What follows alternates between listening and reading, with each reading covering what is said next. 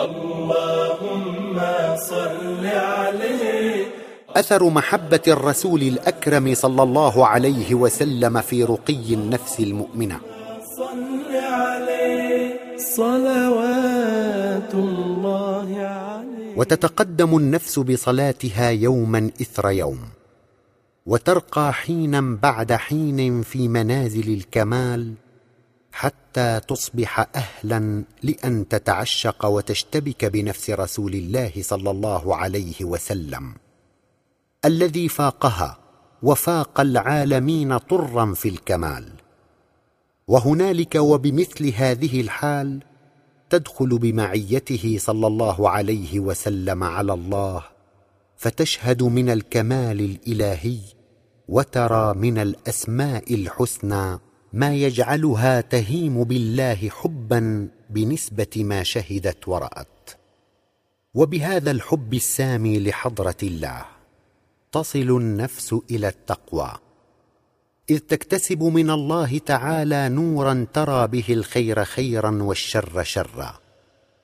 قال تعالى في سورة الحديد يا أيها الذين آمنوا اتقوا الله وآمنوا برسوله وآمنوا برسوله يؤتكم كفلين من رحمته ويجعل لكم نورا تمشون به ويغفر لكم والله غفور رحيم وبهذا الحب السامي تشتق النفس أيضا من الحضرة الإلهية والذات العلية حظا كبيرا من الكمال وتصطبغ به اصطباغا يجعلها من أسمى الناس مرتبة وأعلاهم منزله وإنه لولا حبها لرسول الله صلى الله عليه وسلم لما استطاعت أن تدخل بمعيته ذلك المدخل العالي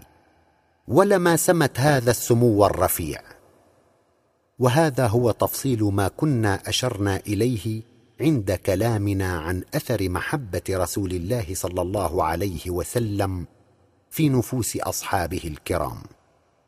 والآن إذا دخل الإنسان هذا المدخل العالي بصحبة رسول الله صلى الله عليه وسلم ونال من الله تعالى ذلك الحظ الوافر من الكمال فلا تظنن أنه يقف عند هذا الحد لا يخطوه ولا يتعداه. بل إنه أضحى في حال من الرقي لا يعرف له حد ولا انتهاء. فكلما دخل بمعية الرسول على الله تعالى اكتسب من الله كمالا.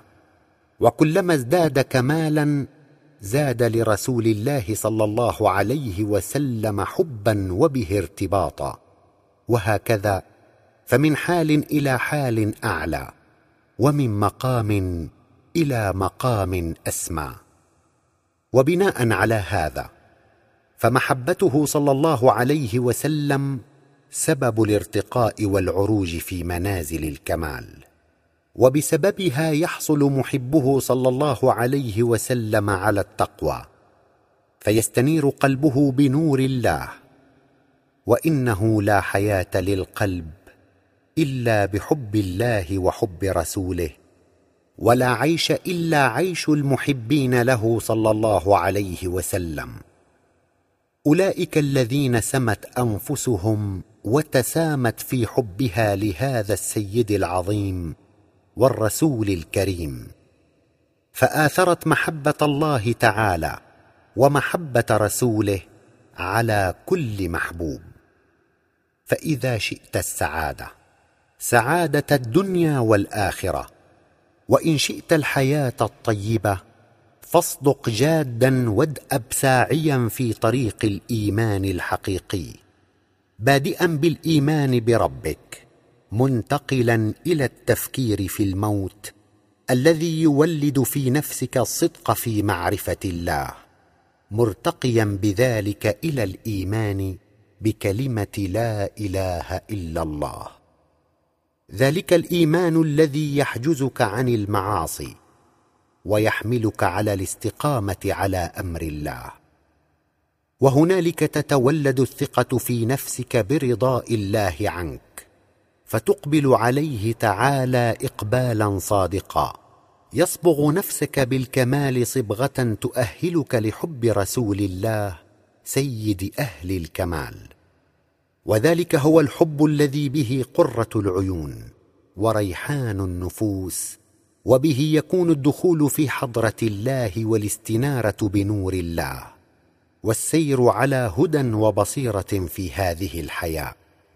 ومن لم يظفر بذلك الحب السامي حب الله تعالى وحب رسوله الكريم فدنياه شقاء ونغص وآلام.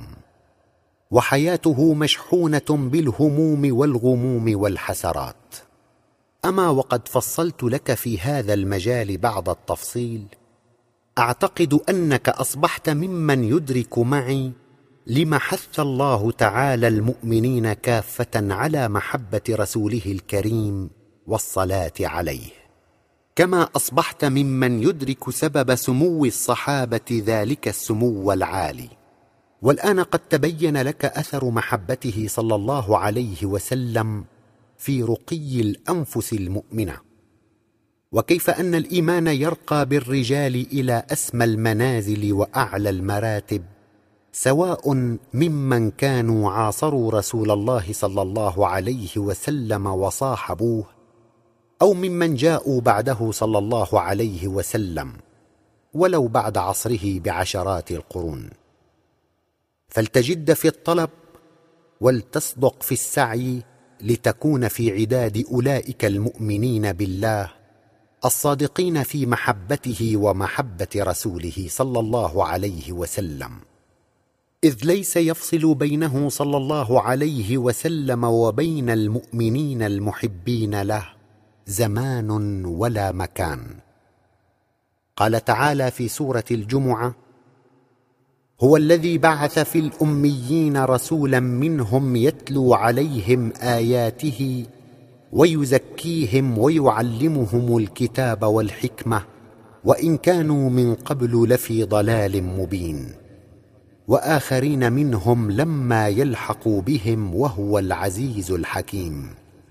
ذلك فضل الله يؤتيه من يشاء والله ذو الفضل العظيم.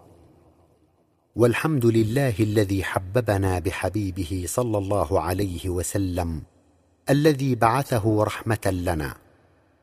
فأبشر يا من أحببته برحمته وأنت مع من أحببت إذ يحشر المرء مع من أحب.